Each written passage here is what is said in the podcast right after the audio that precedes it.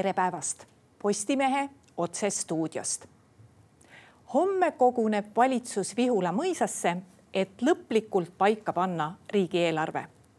meil on stuudios rahandusminister Mart Võrklaev, tere päevast. tere päevast. no kuna eelarve põhisõna on kärpimine, siis äh, nüüd selle lõpliku kokkupaneku eel, kas vajalikul määral on suudetud kärpida?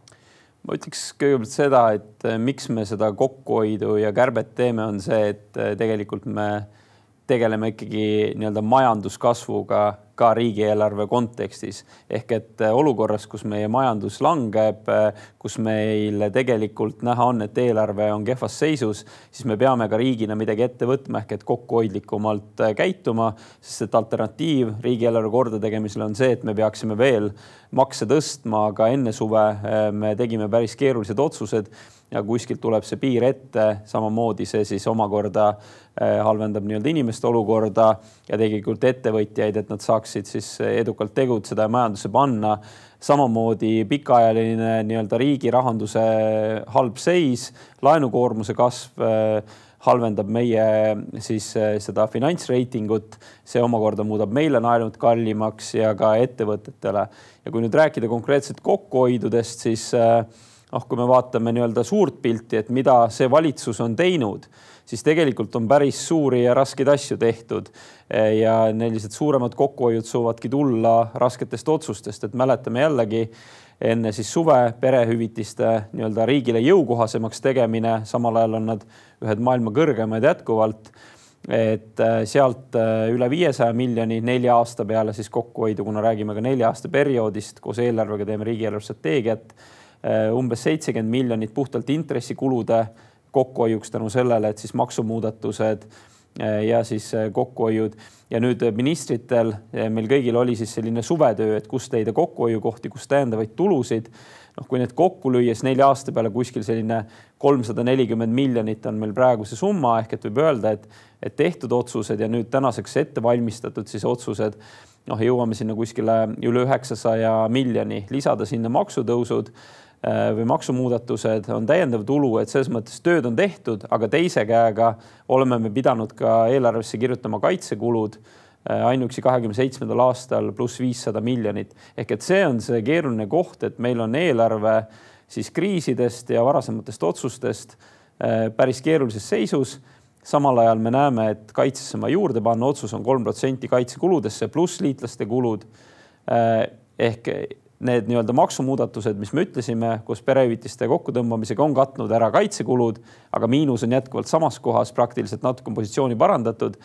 Äh, ja noh, sellega me nüüd peamegi ka tegelema ja need suvised tööd, mis ministrid tegid,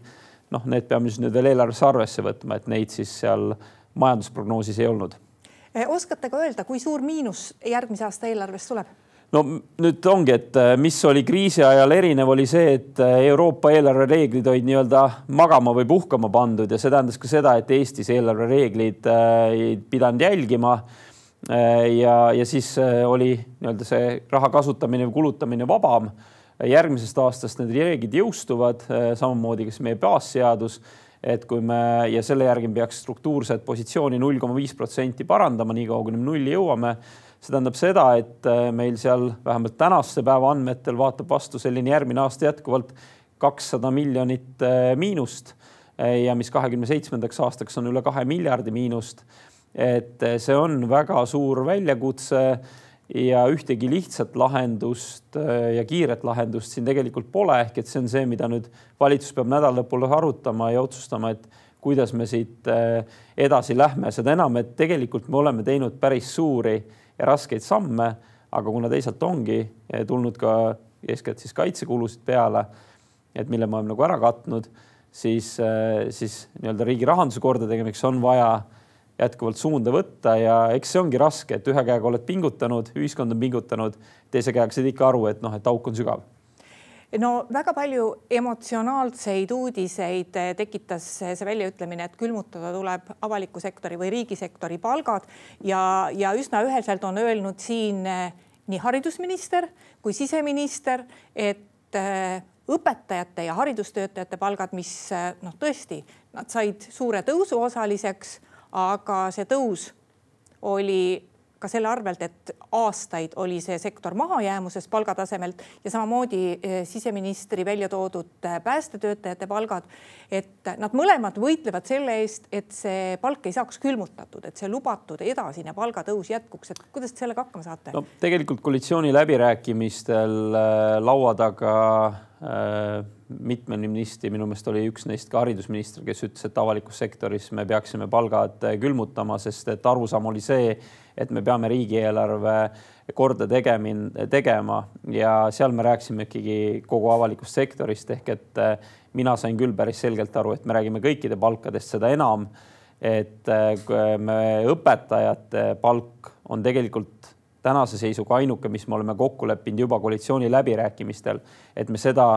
tõstame läbi diferentseerimisfondi, see on küll natukene keeruline, aga põhimõtteliselt on see riigis see fond, millega direktorid, omavalitsused saavad õpetajatele nii-öelda täiendavat motivatsiooniraha anda, kas täiendava töö eest või siis eh, noh, diferentseerida neid palkasid, et eh, seal Keskerakonna valitsuse ajal kahekümne protsendi pealt eh, palgafondist lasti see seitsmeteistkümne peale, tõsteti selle arvelt õpetajate palka. täna on meil kokkulepe, et me tõstame kahekümne protsendi peale tagasi ehk et õpetajad saavad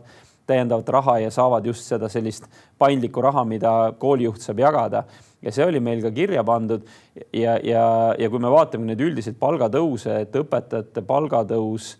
kas kakskümmend kaheksa protsenti sel aastal, äh, sisejulgeolekus kakskümmend kuus protsenti ehk jah, palgad olid äh, nii-öelda Äh, noh, saab öelda, et on alati väiksed, aga seda ei saa öelda, et õpetajad, päästjad, politseinikud, nende palgad on viimastel aastatel praktiliselt kogu aeg tõusnud. minu meelest ei ole jäänud aastat vahet, kui need pole muutunud, isegi siis, kui palgafondi pole väga palju juurde pandud, kuid minu meelest isegi nendel kärpeaastatel seal kakskümmend üks sai ka neile tegelikult palka juurde pandud. ehk et ei saa öelda, et nad on ajast maha jäänud, et täna nad on ka päris soliidsed, loomulikult alati sooviks rohkem, aga, aga õpetaja palk Äh, julgen mina öelda, selline keskmine palk on ikkagi täna tugevalt üle kahe tuhande euro, et äh, mul ei ole küll siin fakte kõrval, aga, aga, aga ma olen päris kindel, et see nii täna on. Eh, kas see, mida te praegu välja tõite, on kokku lepitud ka siseministri ja haridusministriga, et kas nemad on sellega nõus, et palk on juba tõusnud küll ja rohkem ei saa? no see oli see kokkulepe, mille, mis teadmisega me koalitsioonilepingu allkirjastasime, vähemalt mina ja mitmed äh, ministrid said veel nii aru, et eks nüüd äh, kust see kust see ebakõla on tekkinud või, või, või, või mis see plaan edasi on, et eks seda me homme hakkame siis Äh, arutama, et, ähm, et minu jaoks on see küll päris jah, selge, sest et nii me rääkisime ja, ja nii me sellest või vähemalt mina sellest nii äh, aru sain. Kus need kärpekohad ministeeriumitel veel on, et eh, see siiani on olnud siiski ühe üsna üldsõnaline, et noh, leidke neid kohti, ma ei tea, kui täpselt te olete andnud neile juhendi, kust neid otsida. aga noh, oluline oleks ju see, et nad otsiksid neid õigetest kohtadest, et ära ei kärbitaks midagi seesugust, mis pärast eh, lõppkokkuvõttes riigile tervikuna mõjub hästi halvasti ja üles leitaks need asjad, no mida võib-olla tõesti ei peaks tegema või annaks vähemalt edasi lükata. ja no selleks me tegelikult ju tahtsimegi läheneda sel korral äh, nii-öelda targemalt nendele kokkuhoiukohtadele, et ministri, ministrid lähevad oma ministeeriumitesse ja suvel siis kahe kuuga otsivad neid kohti, esitavad, siis me arutame need rahulikult valitsuses läbi ja saame eelarvesse nii-öelda juba arvesse võtta, mis on läbi kaalutud, mitte nii-öelda jõuga öeldud, et see protsent on ees nüüd äh, paaripäevase arutelu tulemusel ja ma ütleks, et on äh, mitmeid ministreid, kes on väga tubli tööd teinud väga sisuliselt ja vaadanudki üle, et mida on vaja teha, mida ei ole vaja teha, mida saab teistmoodi teha. loomulikult tekitavad need sektoris arutelu teatud äh, inim- või nii-öelda ühiskonnagruppides mingit arutelu, aga need on, ma ütleks, pigem sellised suhteliselt nagu mõistlikud ja kahjuks on neid ministreid, kes seda liiga tõsiselt ei võtnud, võib-olla just seda, kus nii-öelda me proovisime läheneda mõistlikult, et otsige neid kohti, mis teie arvates on nagu need, kus, kus saaks äh, kokku hoida seda kiire aja jooksul. Äh, ja, ja et juba kahekümne neljanda aasta äh, siis kontekstis. ja, ja ma ütlen, et, et see, see käitumine on olnud erinev. kui palju tõmmatakse kokku kokku tulevikku kavandavaid erinevaid ehitusprojekte, no tõenäoliselt seda, mis on juba töös. Või ütleme, et hange on juba kas välja kuulutatud või isegi heaks kiidetud, et seal on väga raske midagi tagasi tõmmata, sest sellega kaasnevad ka trahvid, kui lepingud on olemas. aga noh, et ma mõtlen, pean siin silmas selliseid pompoosseid ehitusprojekte, nagu meil on see äh, Uulu maantee, noh, igaüks, kes võib sõita ja näeb seda äh, tohutut äh, teed, mida seal nüüd mitmetasandiliseks ehitatakse, seda ärapööramist Valga maanteele, kus põhimõtteliselt noh, tundub, et tunni aja jooksul keerab Valga maanteele võib-olla kümme autot ja kus kohalikud ütlevad, et mingisugust probleemi ei olnud. ma saan aru, et selliseid projekte peatada ei taha, sest neid juba ehitatakse. aga kui palju tulevikku vaatavalt on selliseid kavandavaid äh, betooni valamise projekte üle vaadatud? no meie mure tegelikult on see, et jah, ma olen loomulikult nõus, et kõik need ehitusprojektid, nii hooned kui teed peavad olema läbimõeldud äh, ja mõistlikud, aga teisalt me ei saa riiki investeeringute mõttes äh, seisma panna, kuid ma pean tunnistama, et kahjuks me sisuliselt seda teinud oleme, et kasvõi need teeinvesteeringud, et äh, kui nüüd eile just ka no siis äh, küll konkureerivas väljaandes äh, oli suur artikkel, kus asfalditehaseid pannakse kinni, sest et tegelikult me oleme eelarvestrateegiasse öelnud, et jah, et sealt kuskilt kahesaja viiekümne miljoni pealt kukuvad need investeeringud saja, saja viiekümne peale. Ehk et ja noh, infrastruktuuri meil on vaja, korras teid meil on vaja, turvalisi teid on vaja. Ehk et pikas plaanis see jätkusuutlik ei ole, samamoodi erinevate äh, hoonetega, et jah, on asju, mida on vaja teha, on, mida saab edasi lükata. olen ka mina siin sõna võtnud kasvõi nende kultuuriesitiste osas, et, et noh, et kas meil on ikkagi mõistlik võtta uusi ehitisi peale, kui me ei suuda näiteks Rahvusraamatukogu korda teha, mis on samamoodi kultuuriobjekt või, või siin ERR-i maja ehk äh, me oleme viimastel aastatel nii kriisis äh, ja kui, kui kriisi ajal siis äh, kahjuks äh, investeeringuid väga palju kokku tõmmanud ja kui siin kõlabki tihti etteheide, et võtke laenu ja tehke investeeringuid, siis ma pean tunnistama, et laenu me võtame küll ja enamasti nende, kes need kõige suuremad hõiskajad on olnud sel ajal, et laenu tuleb võtta ja siis teha investeeringuid, et see on nii-öelda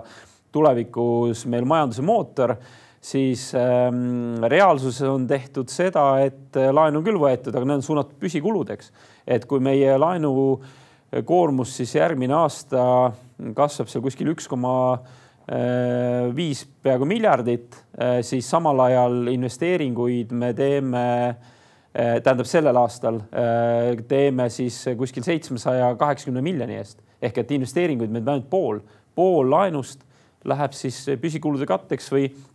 intresside makseks. Ehk et see on tegelikult meil probleem. Ehk et me peaksime tegema investeeringuid, tarku investeeringuid, läbimõeldud investeeringuid aga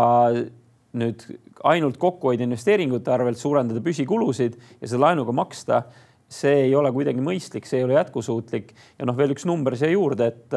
et see on toonud meid siia, kus me kahekümne seitsmendal aastal praeguse seisuga maksame ainuüksi intressideks nelisada kaheksakümmend miljonit. see on üks protsent SKP-st, see on sama summa, mis me põhimõtteliselt kaitsekuludele Eh, juurde paneme, aga me anname seda intressideks, me ei saa selle eest nii-öelda oma inimeste, oma riigi jaoks midagi teha. muide, mis saab eh, sellest Rahvusraamatukogu lõpuni ehitamisest ja kas ERR-i uus maja tuleb? rahvusraamatukogu, me oleme siin, teeme nii-öelda viimaste päevadeni suurt tööd ja mul on tunne, et selle esiteks äh, oli minu selge sõnum, et äh, nüüd tuleb see ikkagi ehitada lõpuni minimaalsete kuludega, et aitab küll nendest lisatöödest. Ähm, ja siis äh, jõuti nii kaugele, et see kulu on kümme miljonit. Äh, täna me ilmselt suudame selle siin erinevate nii-öelda CO2 vahenditega ja loodetavasti ära klapitada nii, et me selle kümme miljonit kokku saame Eh, mis puudutab eh, sisustust, siis sellele mina täna ei oska vastata, et eks Kultuuriministeerium eh, peab seal oma lahendused leidma, kasvõi kaaludes sedasama kulkat, sest et see on minu hinnangul samamoodi kultuur. ja ERR-i maja on nüüd jällegi, et see on siis kultuurikomisjoni, kultuuriministeeriumi, Kultuurkapitali nii-öelda käes, seal on ka omad probleemid, et jah, kas seda saab sinna panna, kuidas, kuidas see eelarve nii-öelda positsioonile mõjub et ega seal selget äh, lahendust ja vastust veel ei ole, et eks kuna Riigikogu kultuurikomisjon eeskätt peab seda otsustama, siis nii-öelda see pall, ma ütleks, et on nende käes, et riigieelarvest ERR-i majale nii-öelda täiendavaid vahendeid kogu selle suure puudujäägi puhul mina kahjuks täna ei näe ja selleks ma olen ka nii-öelda välja käinud, et ehk kaaluks muud alternatiivi ja prooviks seal otsida lahendust nende asjade vahel, mis me võtame uusi asju Äh, ja osad neist pole isegi riigi omad. Äh, ja siis äh, need, mis me ikkagi riigi vaates peaksime võib-olla kõigepealt valmis tegema. no te hästi palju räägite sellest, et üks põhjus miks äh, meil on raha juurde vaja, ongi see, et meil kaitsekulud tohutult suurenevad. samas analüütikud on ka siinsamas stuudios välja toonud, et, et see ei ole tegelikult kõige suurem kulutuste suurenemise põhjus, et jah, see on küll. Aga tegelikult on riik võtnud hoopis teisigi kohustusi mille puhul ei ole praegu nii palju räägitud ja on välja toodud seda, et tegelikult üleminek eestikeelsele haridusele on pagana kallis, sest see eeldab uusi õpetajaid, mis eeldab uusi õppekohti ja mis see kõik eeldab, et sinna tuleb raha. kas nelja aasta perspektiivis on ka see kokku arvutatud, et ja sisse arvestatud, et see üleminek eestikeelsele õppele, kui me tõesti tahame seda korralikult teha, et see oleks ka finantsvahenditega kaetud. No siin ongi meil nüüd ka selles mõttes selline vaidlus ju haridusministriga ja tegelikult on see siiras äh, nii-öelda ju arutelu mõlemat pidi, et äh, jah, kui me eestikeelse hariduse tegevusprogrammi kokku leppisime, siis nagu ikka, et kui paned rohkem raha, saaks kiiremini parema tulemuse. rahanumbri me tol hetkel kirjutasime sinna taha nii palju, kui poliitiliselt oli võimalik seda kokku leppida, arvestades ka eelarve Eh, seisu ja noh, Reformierakond on olnud alati eestikeelse hariduse eest seisev väga pikka aega. see, et me selle nüüd eelmise valitsuse seadusesse saime reaalselt tegevustega katsime, et, et see on väga oluline.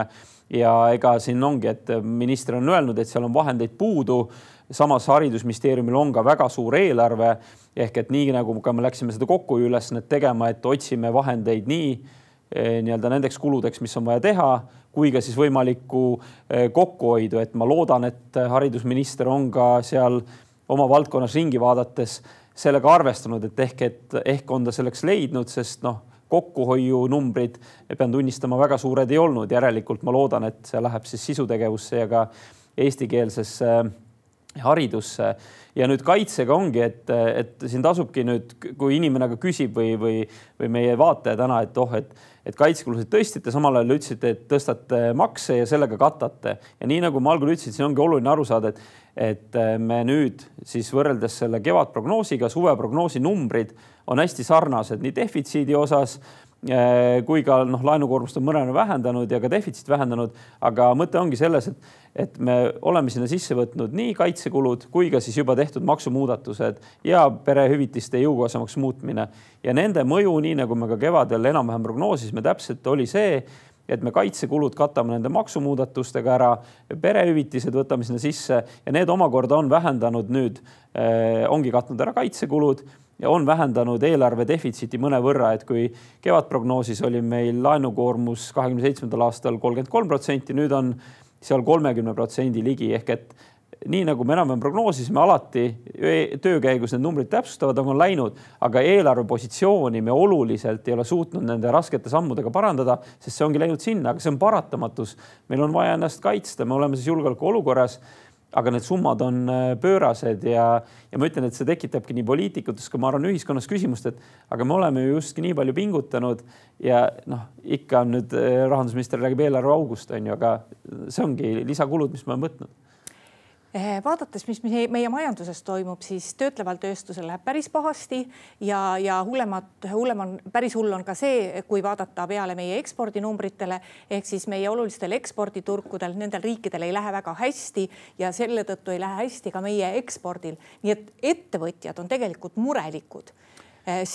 mis te, mismoodi on võimalik neid aidata, nad ütlevad küll, et valitsuse sammud ei aita neid mitte, mitte, mitte kuidagi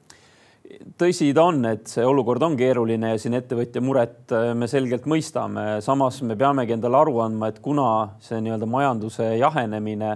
noh, ma ütleks, et kriisiks on seda täna veel palju nimetada, kui vaadata varasemaid kriise, kus tööjõud,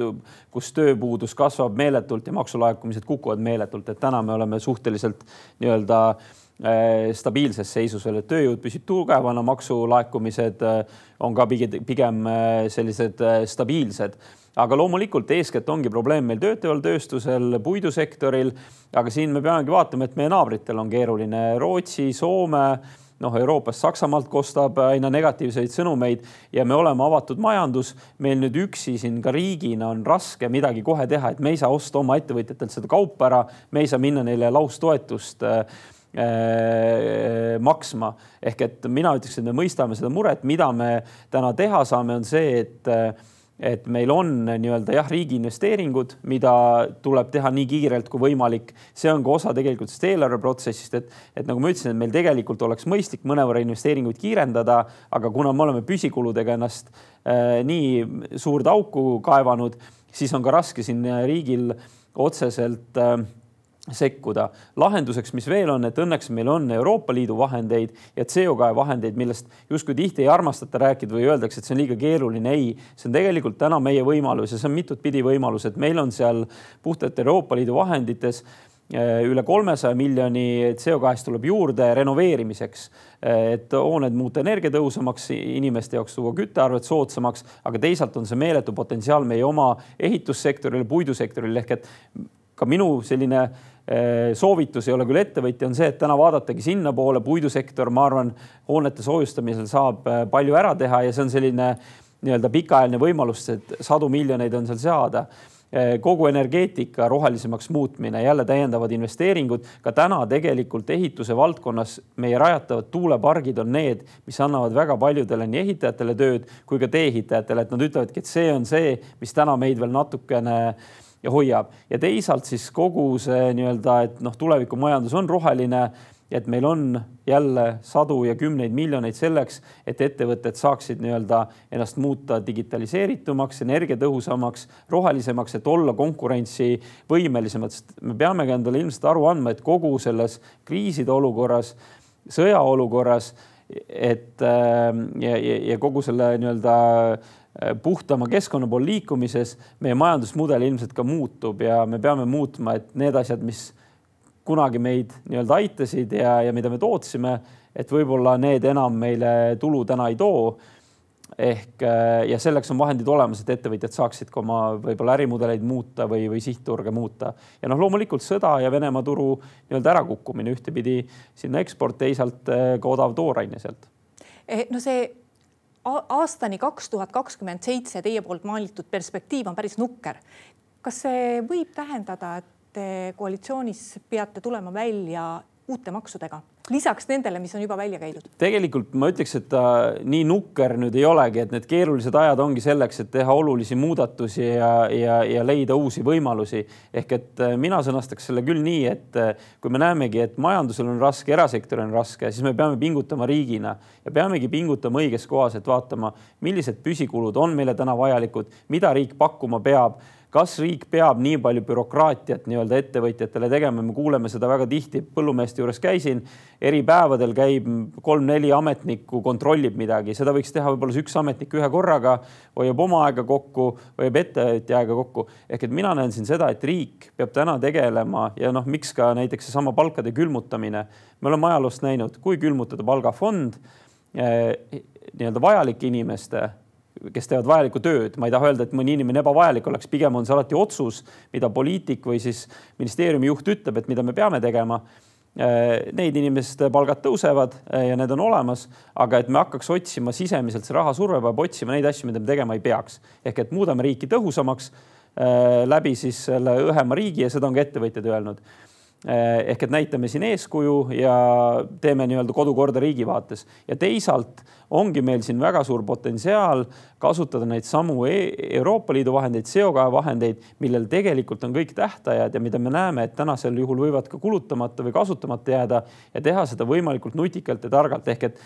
ma ütleks, et seda kriisi tasub meil täna targalt ära kasutada, riigi vaates kodu korda teha ja ettevõtjatele anda võimalus kasutada neid väga suuri välisvahendeid ehk äh, ma ikkagi prooviks selles keerulises olukorras näha positiivset ja seda, et kuidas see on meie tuleviku väetis. nii et uut, uusi makse te välja ei mõtle? no ma ei julge seda lubada, et nüüd ühtegi uut maksu ei tuleks, et jällegi, mis on näiteks keskkonna valdkonnas, et ma arvangi, et keskkonnas muudatusi teha, noh, mootorsõidukimaksust me oleme rääkinud. muide, kas see automaks on äh, nüüd nagu lõpliku kuju saanud, et see eelnõu on olemas ja koalitsioonis on ka kokku lepitud, sest vahepeal teil oli isegi oma erakonna ministriga siin väike lahkheli, et kuidas see peaks tulema? ma pean tunnistama, et äh, kõik see tagasiside, mis meile tuli, on olnud väga mahukas, seal on väga palju erinevaid nii-öelda teid, kuidas minna ja mida kaaluda. ehk äh, meie soov on tõesti järgmine nädal selle eelnõuga välja minna, sest kokkulepe on, et me järgmine aasta nende tuludega juba eelarves arvestame, siis peab see eelnõu liikuma koos eelarvega aga tööd selle eelnõuga on veel selles mõttes teha ja teeme seda, teeme seda iga päev, aga kui jutt oli ka teistest maksudest, et siis jah, keskkonna vaates ma arvan, et me peame tegelema ka erinevate maksudega, et me oleme rääkinud siin raadamisest ehk et see, kui mets võetakse täielikult maha siis äh, tuleks kaaluda, kas see on ikkagi mõistlik. seda on ka siis äh, nii-öelda metsasektor ise pakkunud, et, äh, et raadamine võiks olla ehk maksustatav. siis on kogu see pakendi ja plasti teema ehk et me tegelikult Euroopale maksame nii-öelda plastimaksu ja see just peaks suunama meid vähem tarbima minu tunnustus paljudele ettevõtjatele, kui minnagi toidupoodi, näed, kuidas tegelikult on hakkliha või mingi muu toode, juust pandud äh, taaskasutatavasse materjali või siis äh, nii-öelda lihtsalt ümbertöödeldavasse plastikusse. et kõik need asjad on ka need, mida me keskkonnamehe jaoks peame tegema, ehk et ma ütleks, et, et need maksumuudatused, mida me tänaseks oleme arutanud, et need teenivad meie keskkonda ja seda huvi, et jah, kokkuvõttes nagu äh, riik ei peaks neid eh, makse edasi maksma või saama ühel hetkel trahvi, aga see toob meile puhtama eh, keskkonna. see, kas veel midagi nii-öelda arutada, eks seda me peame koalitsioonis. minu enda tunnetus on see, et me oleme päris jõulisi samme astunud. ehk et eh, nii-öelda natukene peaks hingamisruumi jätma, kui vaadata eelarve olukorda, siis noh, pikk vaade on see, et, et ega see pilt ise paremaks ei lähe, et kas me suudame tõesti kokku hoida rohkem või siis peame ka veel mõtlema uute maksumuudatuste peale. aga ma ise julgeks arvata, et need nii-öelda suuremad võib-olla muudatused või arutelud, et et need pigem on tuleviku teema, ehk täna me oleme mitmed olul-, valusad otsused selles mõttes teinud. ühiskond on minu meelest need enamuses isegi kenasti vastu võtnud, suur aitäh selle eest, aga, aga, aga jah, vaatame, mis tulevik toob. Mart Võrklaev, aitäh tulemast saatesse. ja aitäh ka kõigile neile, kes meid vaatasid. Postimehe järgmine otsesaade on eetris juba homme. seniks lugege uudiseid postimees.ee. thank you